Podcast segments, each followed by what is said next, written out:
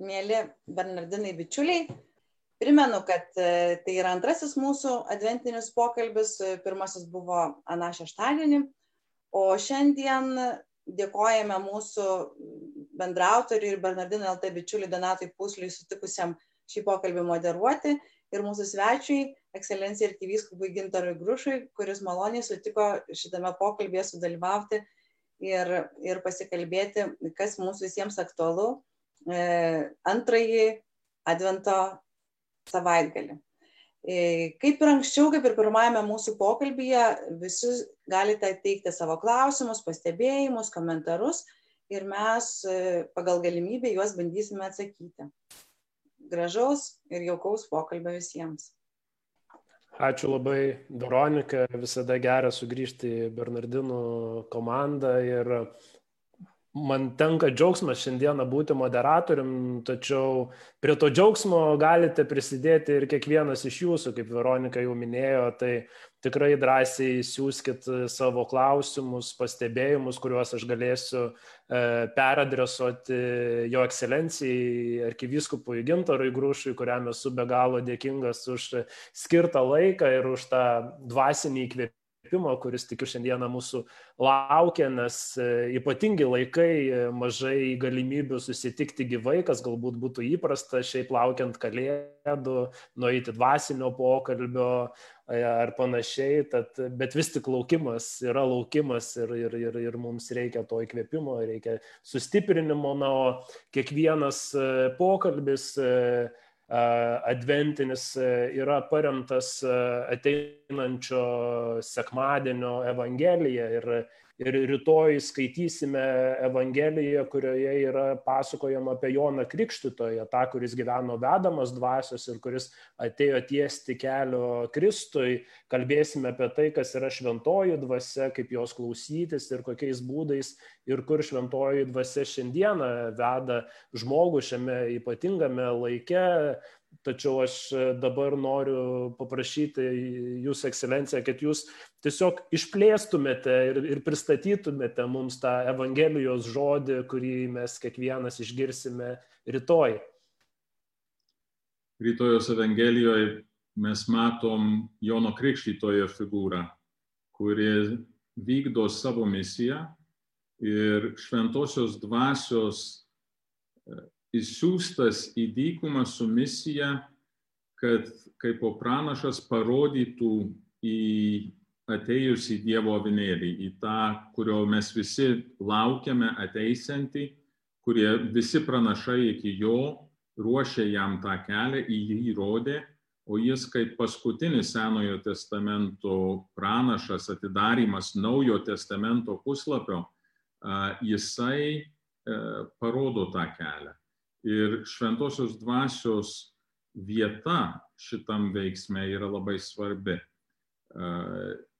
Mes taip pat esame kviečiami šiandienos sekmadienio Evangelijoje paruošti viešpačiui kelią. Ir tai yra advento prasme, kad mes savo širdyse paruoštumėm vietą tam susitikimui mes turim visi tų dalykų, kurie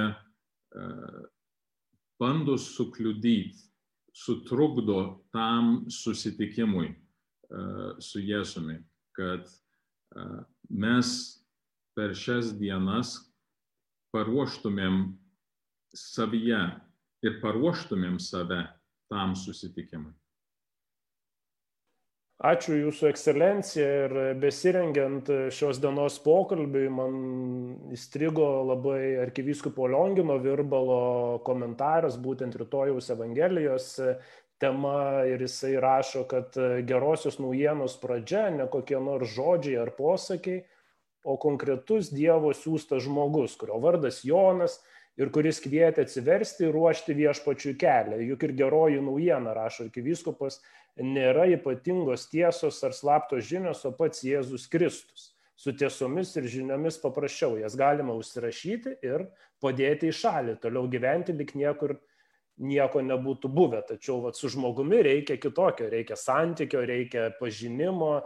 Ir ką būtent mums svarbaus byloja ši žinia, kad asmuo yra tos žinios nešėjas, nežinia kažkur pamatyta e, gatvėje ar perskaityta knygoje, kurią užverti ar pro kurią praeini, bet būtent asmuo, kuris mus kviečia. Asmuo iš čia dviejų pusių. Vienas yra asmuo Jonas Krikštytojas, kur vykdo savo misiją, kur mums nurodo kelią į tą kalėdinį susitikimą, į tą gerąją naujieną Jėzų Kristų. Ir asmuo ir asmeninis susitikimas yra tas susitikimas, kurias, kuriam mes ruošiamės uh, turėti su užgimusiu Kristumi, su Dievu savo širdyse tas susitikimas su Dievu, todėl kad Dievas yra trijose asmenyse, vyksta tiek su Jėzumi Kristumi atėjus į pasaulį, bet tiek ir su šventaja dvasia, nes ir pats Jonas Krikštytojas turėjo turėti santykį su šventaja dvasia, kur išvedė jį į dykumą, kad jis galėtų vykdyti savo misiją. Pats Jėzus Kristus su šventaja dvasia irgi turi ypatingą santykį, nes jo misijos pradžioje jis pats sako viešpaties dvasia ant manęs. Per visą jo misiją įvairiose vietose jis parodo į šventąją dvasę ir apverčia į tą, kad ateinanti šventoji dvasia. Tai jo išėjimas, šventoji dvasia parengė viešpačiui Jėzui Kristui kelią užgimimo ir Jėzaus Kristaus mirtis ir prisikėlimas ir įžengimas į dangų parengė šventai dvasiai kelią į mūsų širdis. Ta pati šventoji dvasia, mūsų užtarėja, globėja, kaip Jėzus sako, bus jums atsiųsta, kad jūs galėtumėt pratesti Jėzaus misiją ir bažnyčia kaip tik tą daro. Tai visa mūsų, visas mūsų bažnyčios gyvenimas kyla iš susitikimo su Dievu. Ir, ir tam mes esame skatinami, mes esame rengiami, bet ta pati šventoji dvasia mus įgalina tą daryti. Tai todėl yra taip svarbu užmėgsti tą asmeninį santykį su šventaja dvasia, kad jį galėtų paruošti mums kelią mumyse ir taip pat su Jėzu Kristumi, kurio mes laukiame dabar uh, Kalėdų šventėje. Ir Advento metas yra tam, kad iš tikrųjų parengtumėm savo širdis tam susitikimui. Būtent, e, ačiū Jūsų ekscelencija, parengti savo širdis e, tam susitikimui, užgimstančiam Kristui. Ir na, mes kalėdose dažnai ir šiandien kartais gatvėse vis dar, nors turėtų būti tų automobilių tarsi mažiau, bet e, matome jų tikrai nemažai, prie priekybos centrų tai taip pat nemažai žmonių ir e, na, skubama ruoštis, skubama galbūt pirkti dovanas ir, ir tas skubėjimas, tas kartais triukšmas visas reklaminis ir kita vertus dabar prie viso to prisideda ir to neįlinio laiko keliamas nerimas, kuris na, veikiausiai užduoda patys mini klausimą, ar galėsiu e, kūčių vakarą laužti kalėdaitį kartu su pačiais man brangiausiais žmonėmis, ar vis tik galėsiu su jais susitikti tik tai, vat, kaip ir mes šiandieną bendraujame Zoomo pagalba, ir kaip vat, viso šito skubėjimo kontekste, kaip viso to nerimo kontekste paruošti būtent tą savoją širdį, kokių patarimų kiekvienam iš mūsų jūs turėtumėt?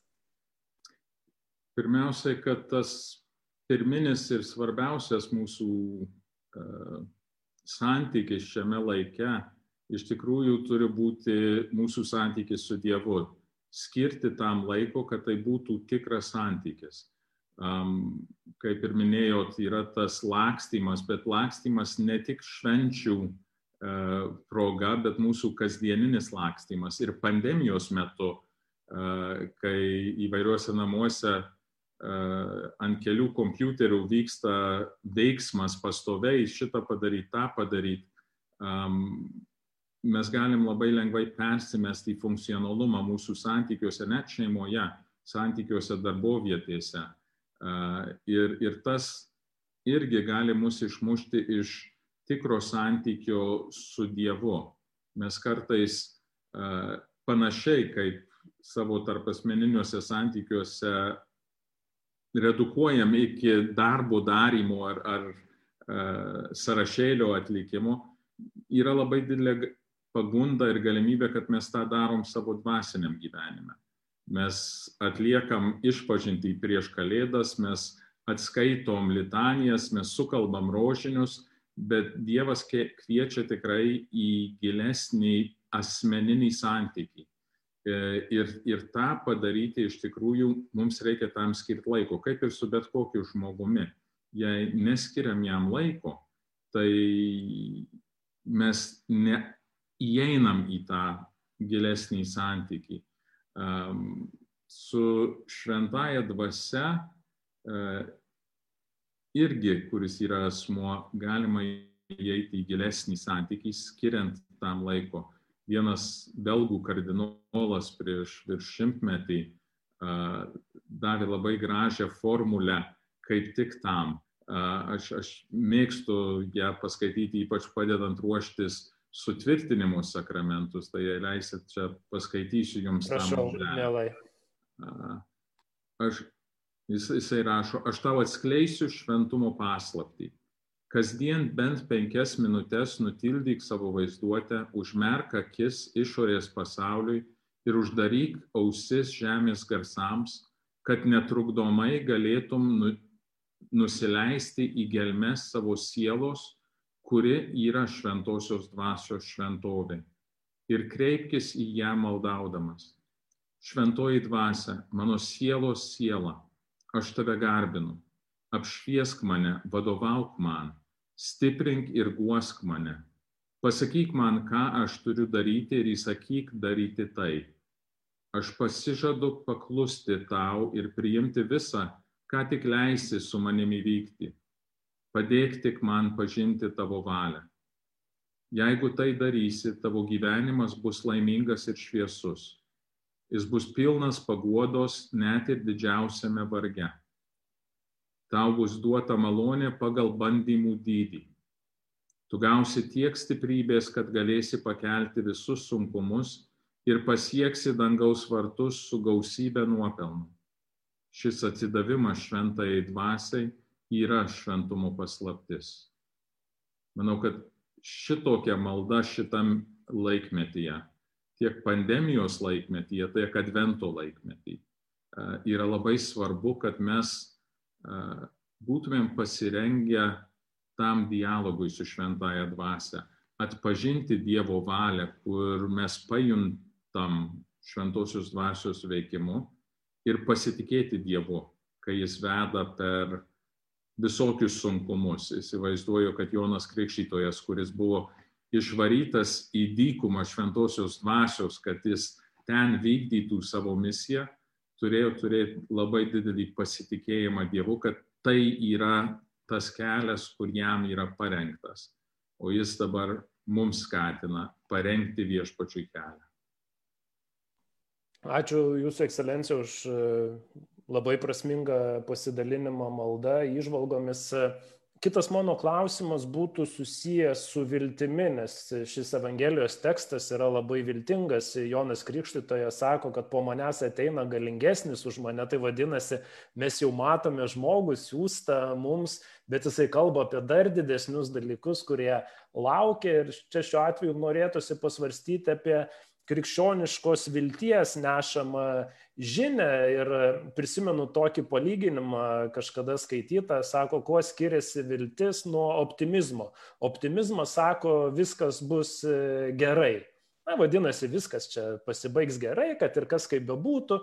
Tuo tarpu Viltis sako, ji to nežada, kad viskas gerai baigsis. Jis sako vieną dalyką, galbūt net ir tie sunkumai šiandieną, kurie mūsų užklumpa, tie išbandymai, jie turi kažkokią gilesnę prasme ir nuo jų galbūt neverta bėgti, bet susitikti, nes jie mus kažkaip ugdys, pakeis. Ir štai čia, sako, yra toji vilties žinia.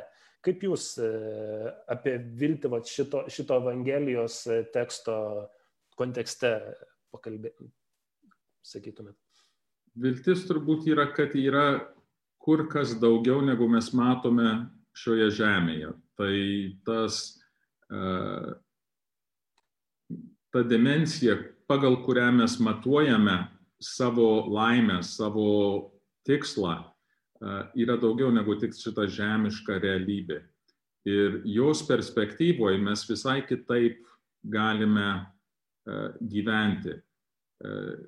Ekstremalus to išraiška buvo Dievo sūnus, kuris žinodamas savo likimą eina ant kryžiaus, miršta kryžiaus mirtimi, bet todėl, kad jis žino, kad po to yra prisikėlimas, yra amžinas gyvenimas, yra įgalinimas tų mokinių, kurie pasimeta tą, tą dieną. E, ir tai irgi yra mūsų gyvenimuose. Yra tų momentų, kur apima baimė, apima nežinę e, ir esame kviečiami pasitikėti pasitikėti Dievo planu, pasitikėti Dievo valia, kad tai, kas vyksta, neina prieš to, ką Dievas mato dėl mūsų išganimo.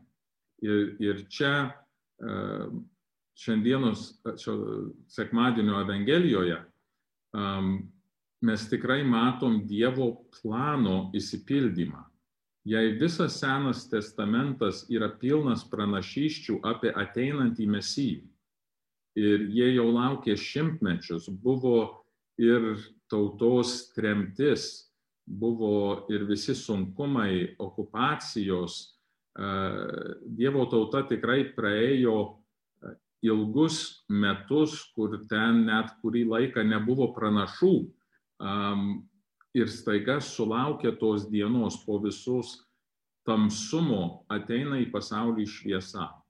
Ir ta viltis, nežiūrint mūsų kartais uh, iškraipyta laiko savoka, todėl kad mes esam savo amžiaus žmonės, mes gyvenam labai saliginai trumpą laiką ir be abejo matuojam rezultatus savo gyvenimo metuose viešpats turi daug platesnę viziją.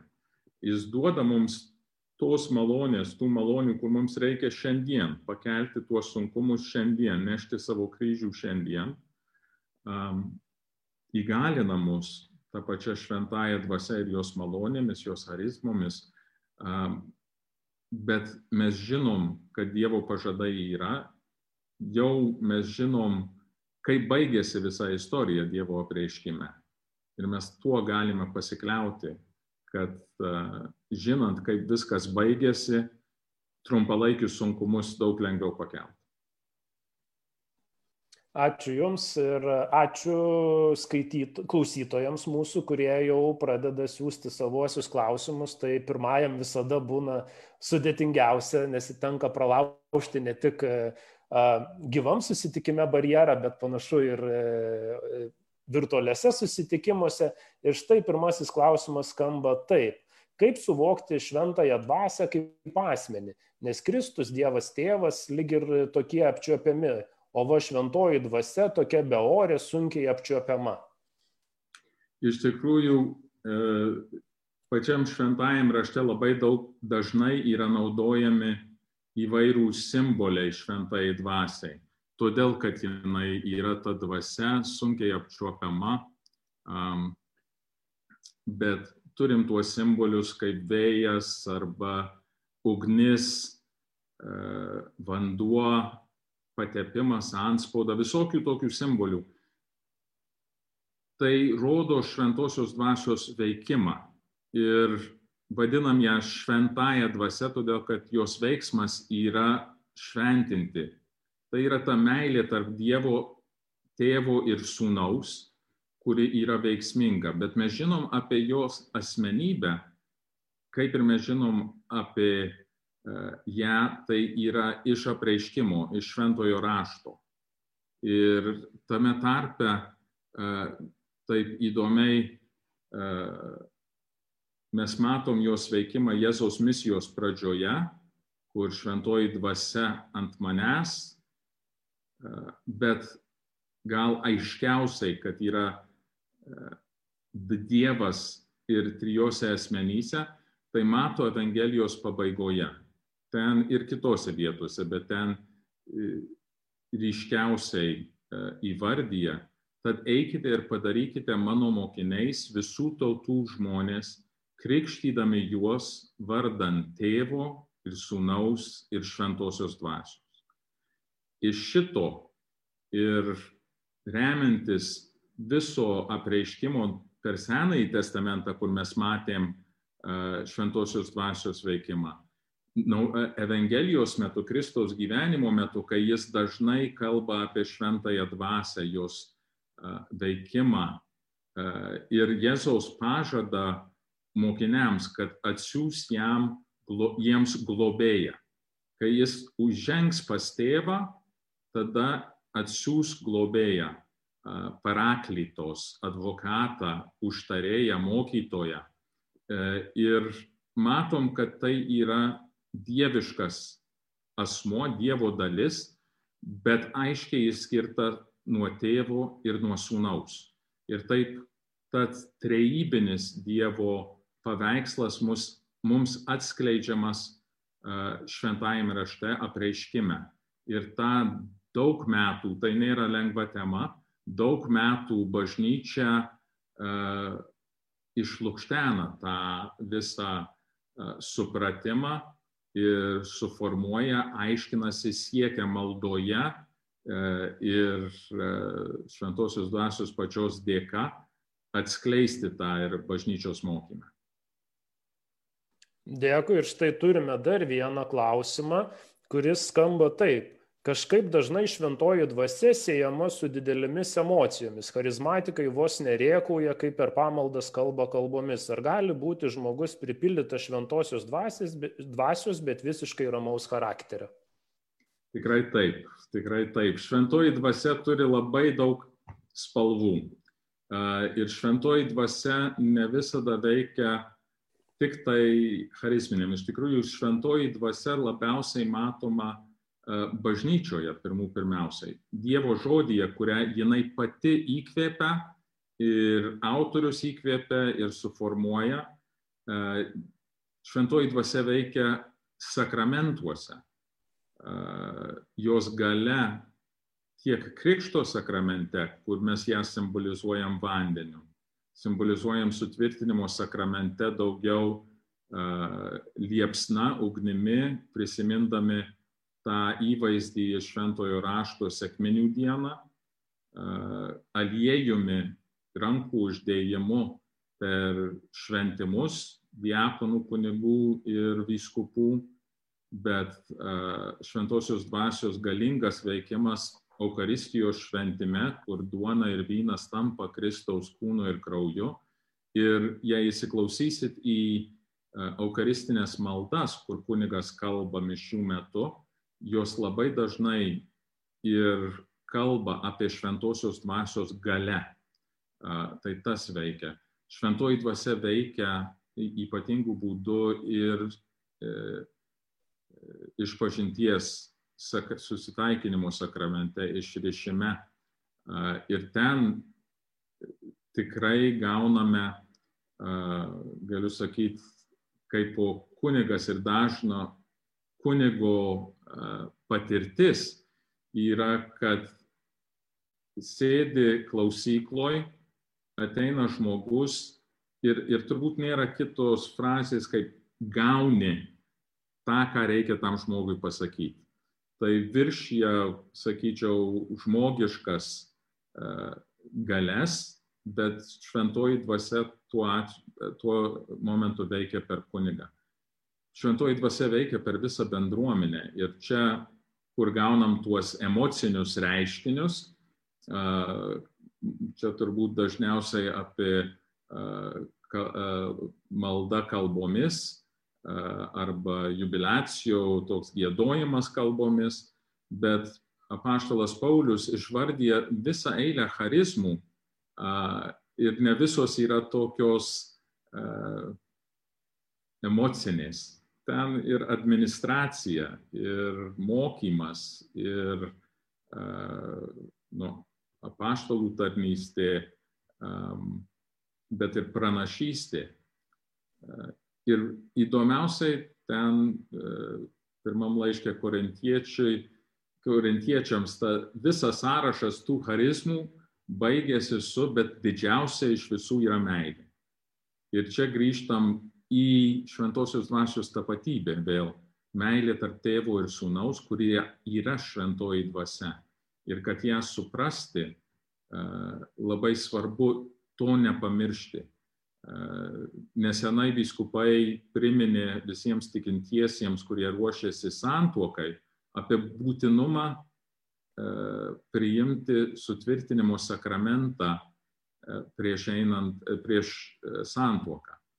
Ir atrodė daug kam, kad tai yra tik tai kažkoks administracinis reikalavimas sakramentų eidiškumui. Bet kas buvo pamiršta ir ką bando išdėstyti, kai ateina jaunavedžiai rengtis, ruoštis santuokai, yra, kad tai yra Dievo meilė. Ir jei norit vieni kitus mylėti ir išmokti mylėti, turite turėti šventosios dvasios, tai yra meilės dovanas savyje, kad galėtumėm dalinti vieni su kitais.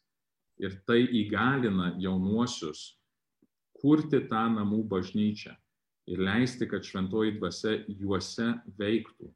Todėl buvo tas ir yra tas reikalavimas, kad užbaigtų į krikščioninimo sakramentus iš kurių vienas yra sutvirtinimas, prieš žengiant tą žingsnį santokai.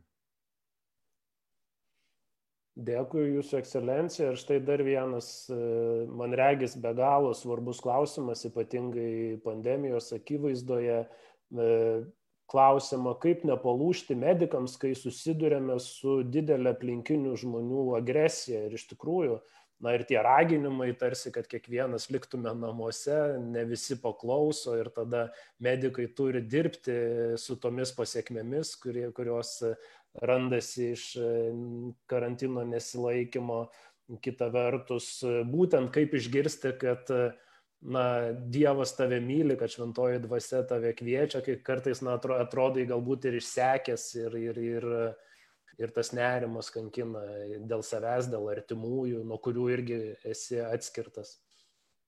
Nu, pirmiausia, lenkiu galvą visiems medikams ir tikrai už juos meldžiuosi. Šiuo laiku yra tikras išbandymas e, visai sveikatos sistemai ir labai svarbu, kad turim tuos žmonės, kurie pasiryžę ten tarnauti, aukotis, e, gelbstant kitų gyvybės. E, žinoma, malda yra turbūt geriausias ginklas ir, ir uh, sutvirtinimas mums, uh, kai yra tokios sunkios ir, ir sunkiai uh, įveikiamos situacijos. Um, ir, ir gal vienas uh, iš tų momentų, kur prisimenu um, Velykų rytą viena moteriškė e, ėjo kryžiaus kelius. Ir vienas zakristijonas ir patarnautojas priejo, ar gal net ir, ir, ir jaunas kunigas priejo ir, ir užklausė, ka, Velykų rytas, kaip jūs galite eiti kryžiaus kelią. Reikia švesti prisikėlimą. Ir moteriškiai sakė, dirbu ligoniniai, skyriui, kur kiekvieną dieną miršta žmonės. Ir jie kasdien eina tą kryžiaus kelią. Ir ta kryžiaus kelio pagoda, ta mąstysena, kad taip, Dievas yra kančioje, Kristus ant kryžiaus yra kančioje iš meilės dėl mūsų ir kviečia mus jungtis mūsų kančias, sunkumus tiek mūsų pačių sunkumuose, tiek tų, kurie yra šalia ir, ir išgyvena tuos sunkumus lygos. Ir šiandien dažniausiai matom pandemijos COVID lygą, bet yra visos kitos lygos taip pat. Mes visi turim artimųjų, kur praeina tą kalvariją dažnai ilgą, sunkę lygą. Tai jungtis tą su Kristaus kančia ir tuo pačiu prašant stiprybės iš Dievo, Ir tos maldos gali būti ir trumpos, ten ilgų maldų nereikia, bet uh, iš tikrųjų viena iš tikriausių maldų ir gal tada, kai mes tikrai išmokstam um, melstis, uh, tai yra, kaip sako, skęstančiojo malda. Jei skęsti ir prašai pagalbos, tai jau tikra malda. Ir uh, nereikia daug žodžių, dažniausiai tik reikia gelbėkit. Um, ir tie, kur ateidavo pas Jėzų, dažnai jau nebeturėjo kur suktis ir tik prašė gelbėkit, išgydyk mane, išgydyk mano sūnų. Tai iš tikrųjų tie du dalykai, vienas yra ta pati kreipimasis į, į Dievą, e, į šventąją dvasę, sustiprinti mus mūsų sunkumuose, bet taip pat ir tuos, kurie eina tą dieną, tą kančią, kalvariją, jungtis tuos sunkumus su Kristaus kryžiaus kančia. Dėkui ir štai dar vienas klausimas, ar galėtų arkivyskupas Gintaras pasidalyti kokiu nors šventosios dvasios veikimu, kurį yra realiai patyręs. O, žmonėms. Nuo pradėti. Vieną, vieną jau patyriau, pa, pas, pa, pasidalinau, tai aš esu nekartą turėjęs tą patirtį klausykloje, kur ateina žmogus, nežinai ką, arba kažkas tau duota, kur atrodo visai ne prie ko, bet jauti, kad reikia pasakyti ir supranti po to, kad tam žmogui reikėjo tą girdėti, arba kad Dievas tą uh, tiksliai jam buvo nutaikęs. Yra ir tų įvairiausių, kaip sako, daugiau emocinių, daugiau charizmatinių patirčių, um, rankų uždėjimas, kur vadinamas šventosios dvasios krikštas uh, ir jis veikia žmonės visiškai kitaip, bet uh, tokia gili ramybė, šiluma, uh, tokia jaučia emocinė išraiška iš to. Bet ir sakyčiau, ir pašaukimo lydėjime buvo tų išvalgų, kur Dievas deda į širdį, e, elkis šitaip. Ir kai su, sugebi pasakyti taip ir priimti tą, tai viešpats iš tikrųjų tą gausiai panaudoja. Bet uh, labai dažnai šventoji dvasia mums suplanuoja dalykus, ar Dievas suplanuoja dalykus, kur mes net negalim įsivaizduoti ir mums tik reikia sutikti būti ten, kad šie dalykai e, išryškėtų. Ačiū. Ir e, aš dar prie šito klausimo galbūt jau šį kartą ir ne nuo klausytojų, nuo savęs e, pridėsiu savai, kas man be galo iš tikrųjų knipždėjo tas klausimas jau kurį laiką mintise, štai jūs labai gražiai vystėte temą apie tai, kad e, malda nėra monologas, kur mes adresuojame kažkokius tai prašymus, reikalavimus, bet tai yra dialogas, kurio metu mes ir klausomės. Ir štai tas klausimosi motyvas, aš galvoju, sakykime, kad ir peržvelgdamas savo gyvenimišką patirtį, kaip, e, ką kalbėti, na tarsi tikrai buvo kas pamoko ir iš, iš kur pasimokyti, bet kaip mokytis klausytis ir išgirsti, nes kita vertus, kad būčiau tikras, kad išgirstu tai, kas man yra adresuojama, o ne tai, ką aš pats susiprojektuoju ir tik tai pasitvirtinu, kad štai tarsi, o kaip faina, ačiū girdėjau ir toliau žengiu per gyvenimą. Tai yra, kad neapsigaučiau, nemeluočiau pats savo ir kitam klausimas ir malda su Dievu labai panašu į mūsų tarpasmeninius santykius. Aš vis grįžtu į tą santykio um, ir pradžioje atsivertimo ar pašaukimo kelio yra visos tos uh, emocinės apimtys santykyje, uh, kaip du įsimylėjusieji. Uh, ir, ir jų meilė, jų gyvenimas yra ženkliai skirtingas nuo to, tos poros, kur dešimt metų gyvena kartu santokoje ir visiškai skirtingas nuo tų, kur 50 metų gyvena kartu santokoje. Jei pradžioje yra labai daug lakstymo, labai daug buvimo kartu, darom kažką kartu ir, ir daug jausmų, įsimylėjusių jausmų.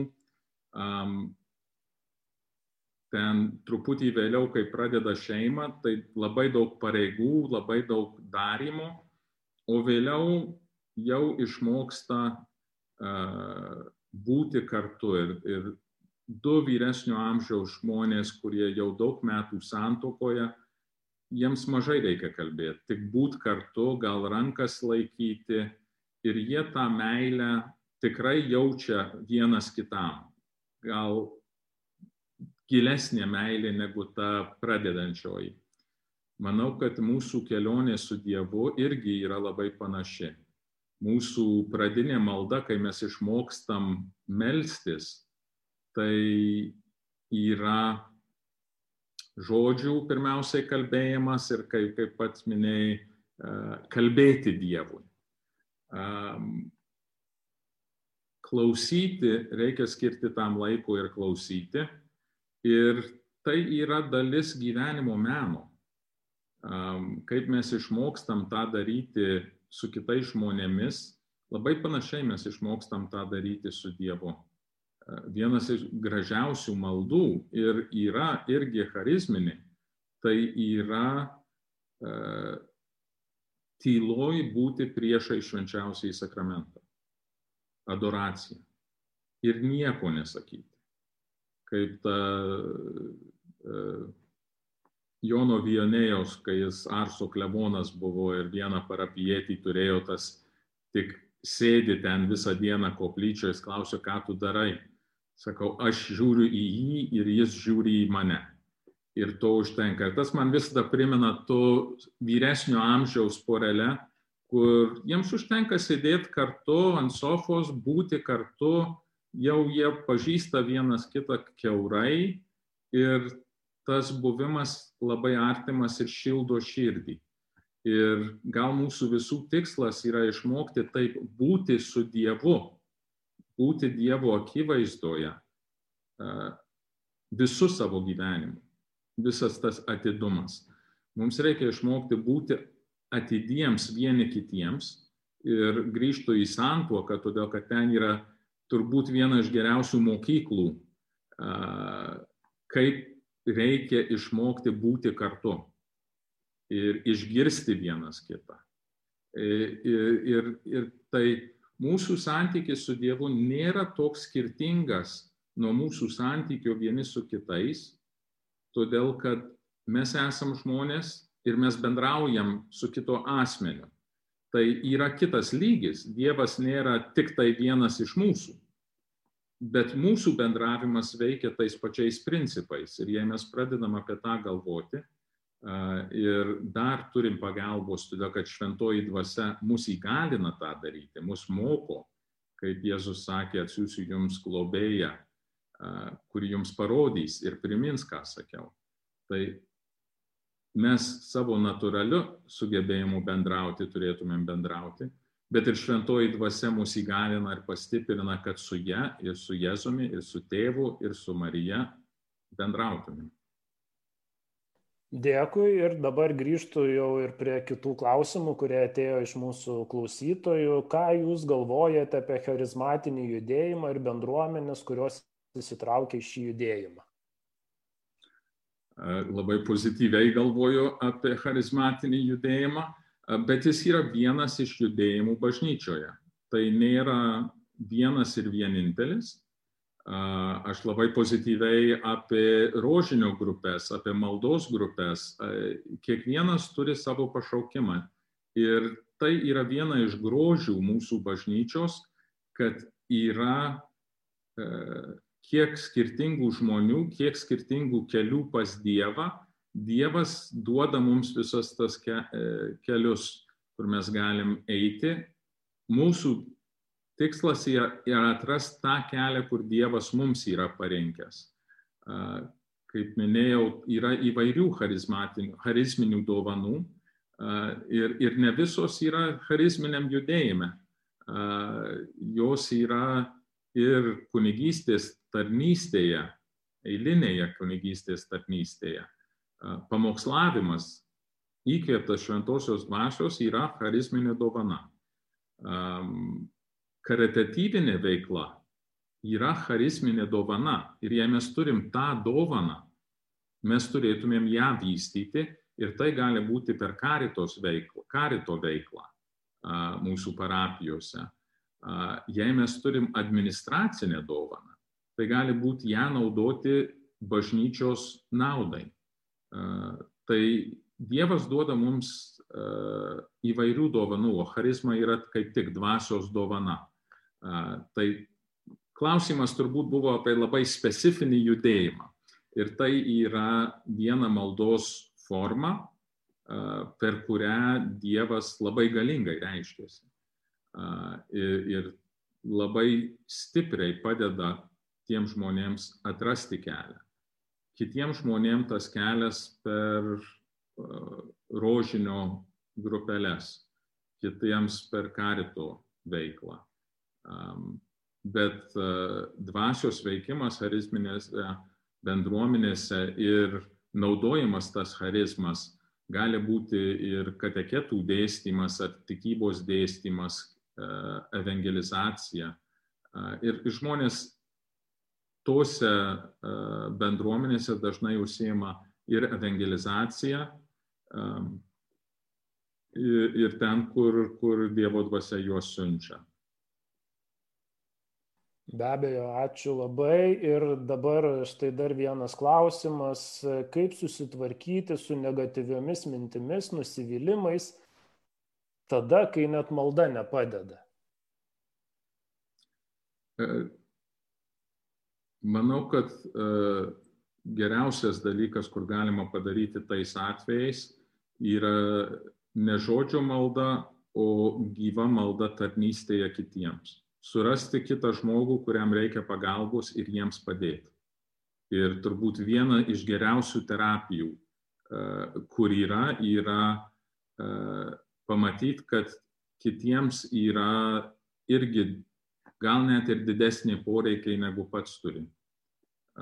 Ir, ir ta tarnystė atveria mūsų širdis. Ne veltui um, yra gavėnios pradžioje priminama tuos pagrindinius uh, tris veiksmus mūsų dvasiniam gyvenime.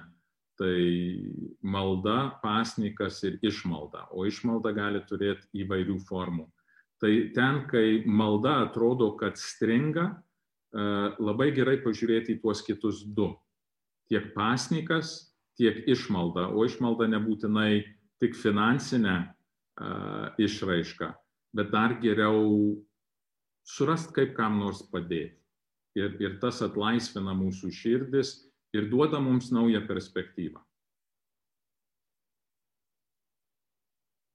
Ačiū už patarimus ir štai dar vienas klausimas yra susijęs su tuo, klausia, kaip atskirti dvasias. Tai aš kaip suprantu, kaip iš tikrųjų žinoti, kad mums byloja šventoji dvasia.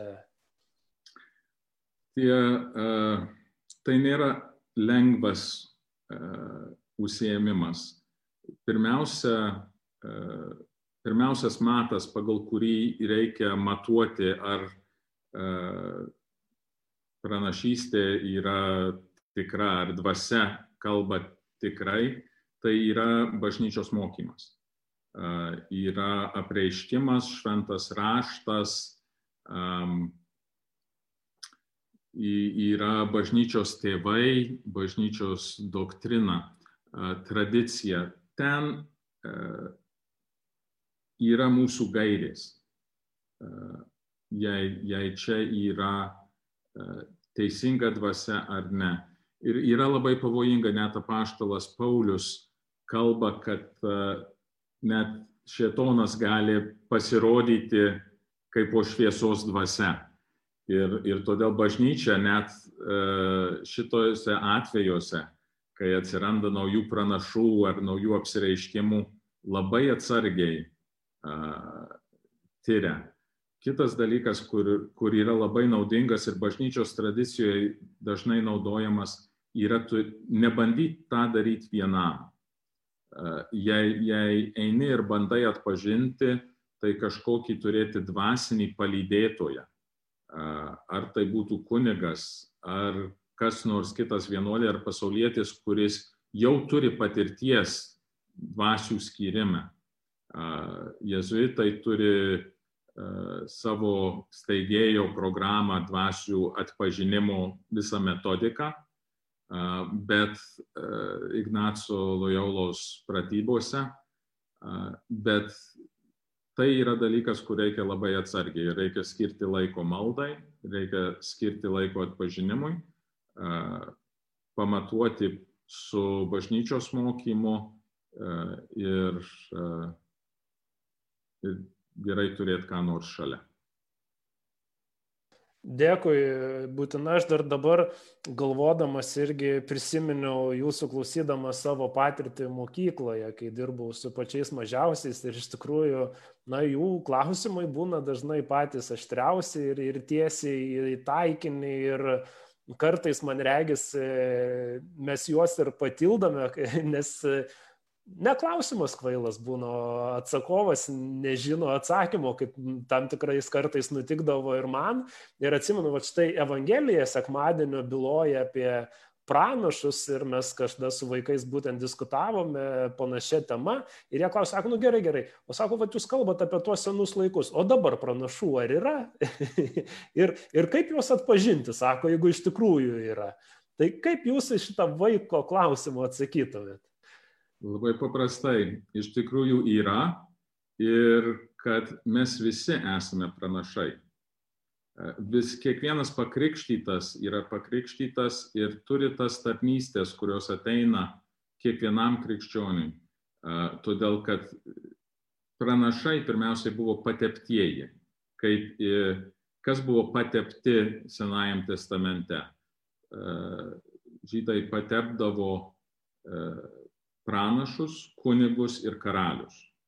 Ir tai dabar net ir mūsų, todėl kad Kristus yra pateptasis ir mes esame krikštyti į jo kūną, mes visi dalyvaujame vienu ar kitu būdu Kristaus kunigystėje, Kristaus pranaš, pranašo tarnystėje, Kristaus karaliaus tarnystėje, kaip po bažnyčios nariai, kiekvienas krikščionis. O pranašystė, kur čia dažnai susimaišo, yra, kad e, mes įpratę kalbėti apie pranašus, apie kur tuos, kurie pasako, kas bus ateityje, kažkokią laikę atspėti ateitį. Bet pranašystė krikščioniškoje prasmėje ir ką darė tie ankstieji pranašai, tai buvo būti panaudojamas skleisti Dievo balsą, skleisti Dievo žodį. Tai jei Dievas mums duoda ką nors pasakyti apie ateitį, jis tą gali daryti šiandien ir dažnai tuose charizminiuose būreliuose, apie kurį kėlė judėjime, ta šysis dovana ir veikia. Esu susidūręs su ją, um, tik tai problema yra ta pati, kaip Mozei pasakė Dievas, kai degančiam krūme, tu parvesi savo tautą ir žinosi, kad šita pranašystė įvyks, kai tu parvesi iš nelaisvės visą tautą ir jūs čia ant šio kalno garbinsit viešpatį. Tai pasiūstas ir 40 metų keliauja, sužinojo, kad pranašystė teisinga, kai jis grįžo atgal į Sinajos kalną. Tai tokia reikia gero pasitikėjimo eiti į tokį žygį. Um, bet šiandien dažniau negu tokias pranašystės mes esame pranašai įgarsinti, ką Dievas kalba pasauliui. Ta mes turim per Dievo žodį, per Jėzaus mokymą ir kiekvienas iš mūsų tą pranašišką tarnystę privalome vykdyti. Tėvai ugdant savo vaikus tikėjime, vykdo tą pranašišką tarnystę. Jie moko Dievo žodį, moko apie Dievą. Mes kiekvienas savo aplinkoje privalome būti pranašai, ką mes einamojo kalboje vadinam evangelizuoti, pasidalinti savo tikėjimą. Tai yra ta pranašiška tarnystė. Ir kaip atsitikdavo ankstyvesniems pranašams, kurie pranašaudavo, juos neglostė ir nemylėjo. Dažnai jie baigė būdami akmenimis apmėtyti. Tai šiandienos evangelizacija tikrai yra tokia pranašystė, nes ne visi priima Dievo žodį atvirom rankom ir, ir atvira širdimi. Ta matė ir pirmieji apaštalai. Čia kaip ir nieko naujo, ta prasme, skelbti Dievo žodį turi savo pasiekmes, kaip pranašams Senajam testamente, kaip apaštalams, taip ir mums. Ne visada mus ten liaupsins, kad, kad gerai darom.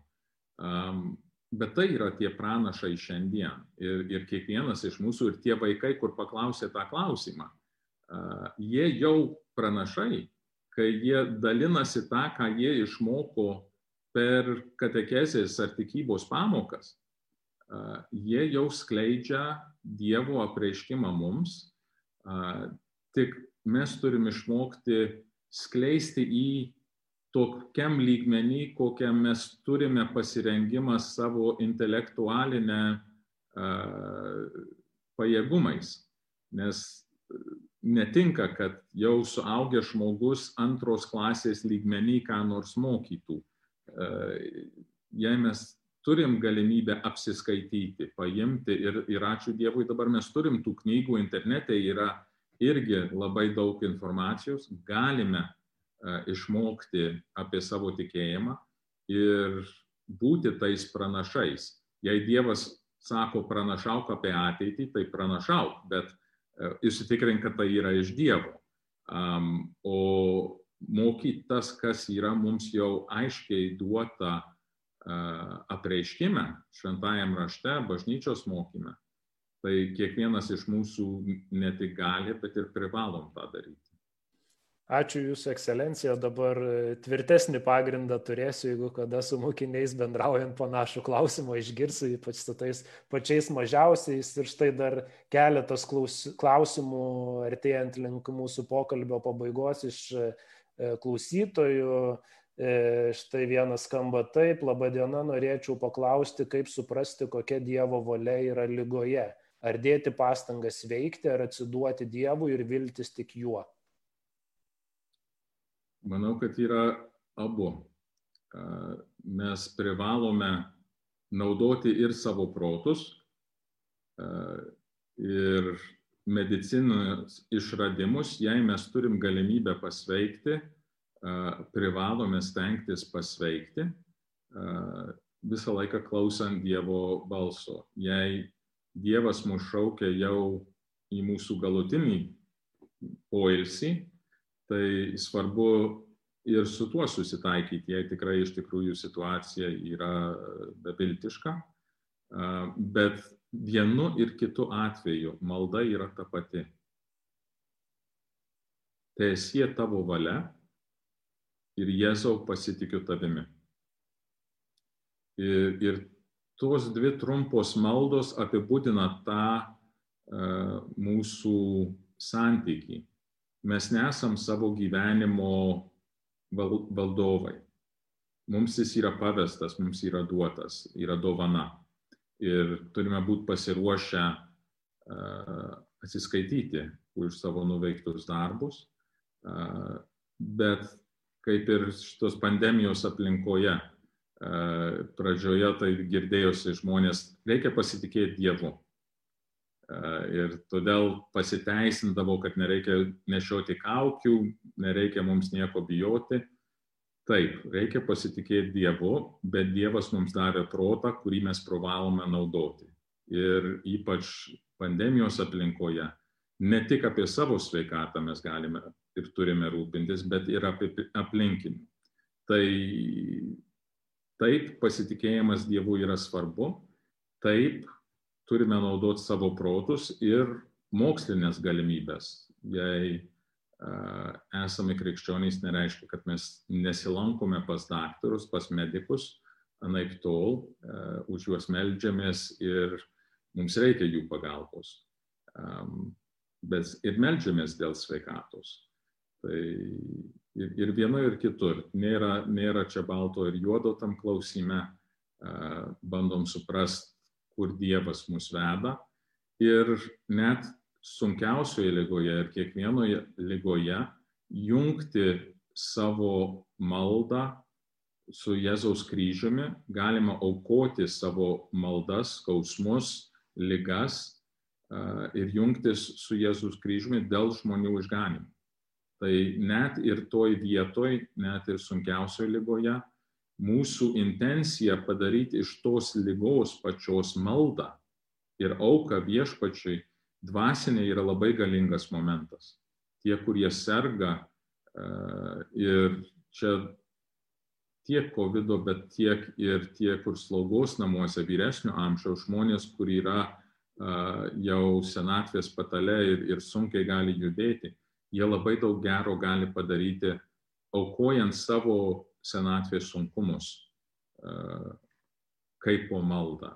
Ir čia irgi yra dažnai nepastebima tokia dvasinė jėga, kuri supa mus Dievas duoda tas ligas ir sunkumus ne tik mums pačioms, patiems, kad galėtumėm aukoti tuos sunkumus, bet iššaukia iš aplinkinių tą gailestingumo darbus, meilę kitam žmogui, tada ta meilė mūsų tarpe auga. Tai net ir sunkiausiose padėtyse yra tos galimybės e, dvasiniam augimui ir aukojimui. Dėkui ir kitas klausimas. E labiau praktinis ir skamba štai taip, kaip surasti dvasinį palidėtoją, nes, na, va, štai girdime klausimus, atsakymus ir kasdienybėje nesinori laukti štai tokių transliacijų ar, ar, ar kito e, laiko, kada gausi užduoti tą savo rūpimą, skaudamą klausimą, bet, na, turėti dvasinį palidėtoją, kuris atsakys. Pirmas dalykas, tai sakyčiau, e, pirmiausia, eikit literatūros link, tai kad būtumėt apsiskaitę, tas labai padeda. Kreipkitės pas vietinį kunigą, bet nebūtinai yra vienuolių, vienuolės, yra ir pasauliečių dabar, kur yra parengti lydėti kitus dvasiniai. Gera vieta yra įvairios bendruomenės, judėjimai, nes galima ir mažose grupelėse tas pasidalinimas padeda jų niekada neužtenka, mes tą jau gerai žinom ir jaučiam, bet dėl to paties paraginčiau, kad melskitės už pašaukimus, melskitės už kunigus. Ką tik panašų pokalbį anksčiau šiandien turėjau ateitininkų federacijos apimti tą pats palydėjimo klausimas, kaip formuoti jaunimą, turėti pakankamai ir mums iš tikrųjų reikia ir daugiau pašaukimų kunigų, tam reikia maldos, bet manau, kad ir tie, kur būtų pasirengę, žmogus gali būti palydėtojas dvasinis, tikrai neturint kunigo šventimų ar vienuolės įžadų reikia turėti jau nueitą kelią, reikia turėti pasirengimą, kur jau Lietuvoje galime uh, įgyti tiek pas jėzuitus, gyvenimo tikėjimo institutas, kitos uh, grupės, kur, kur moko uh, lydėti. Uh, lydėjimas gal artimiausiai randamas rekolekcijose, nors ten nėra pastovus, bet galiu pasakyti, kad aš einant savo keliu, savo vieną iš pirmų dvasios tėvų radau, todėl kad lankiau universitete rekolekcijas. Tenai turėjau labai gilų pokalbį su vienu kunigu, kuris vedė rekolekcijas. Paprašiau, ar jis būtų mano dvasios tėvas. Ir jisai prieėmė mane susitikimui. Aš buvau ką tik be pradedantis tokio rimtesnio kelio ieškojime ir jis man sakė pirmam susitikime, žinai, pirmas žingsnis yra skirti laiko 10-15 minučių ryte, 10-15 minučių vakare, maldai, tylai, paieškojimui. Ir aš jam pradėjau aiškinti, kad aš neturiu tiek laisvo laiko, kad aš 10 minučių ryte ir 10 minučių vakare galėčiau pasižadėti. Tai jis labai gražiai, labai gražiai man pasakė švelniais žodžiais, nu, tai ir aš tau neturiu laiko, bet aš žinau kitą vienuolį, kuris galėtų su tavim apsijimti. Ir man perdavė tą į kito vienuolio rankas, kuris ilgus metus buvo mano dvasios tėvas. Tai Dievas ir, ir kreivom linijom veda, net jei mes nesam pasiruošę, bet iš tokios rekolekcijos gali ir išeiti atradimas. Tai ir, žinoma, melstis, prašyti, kad viešpats nurodytų kažkokį, kas gali palydėti. Ir dažnai taip irgi atsiranda. Jei mes prašom, net iš netikėtų kampų atsiranda tas, kuris gali mus palydėti. Bet pirmoji palydėtoja visada yra šventoji dvasia. Tai su ją reikia būtinai pradėti kalbėti. Ačiū Jūsų ekscelencija. Na ir paskutinysis klausimas iš mūsų klausytojų klausė ir domisi tuo, kaip Jūs pats asmeniškai šį adventą išgyvenate ir kaip ruošitės šventoms kalėdoms. Nu, mano adventas, kaip ir visų kitų, šiais metais yra sąlygotas uh, pandemijos karantino, tai aš irgi daug daugiau laiko praleidžiu Zoom'e, nemažai įprastų mūsų susitikimų vyksta Zoom'e, kai kurie neįvyks. Uh, mano nemaža dalis uh, pasirengimo tai yra paskutinėse savaitėse, kai labai daug renginių yra, sveikinimų kalėdinių, bet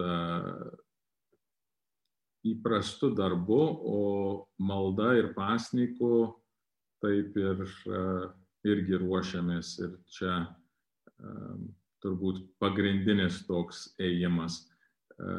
Gal kunigo gyvenime labai pasijunta liturgijoje advento laukimas, brevijoriaus liturginių valandų maldoje, staiga pasikeitimas, žinoma, liturginės spalvos pasikeitimas ir to sezono kalėdinio laukimas.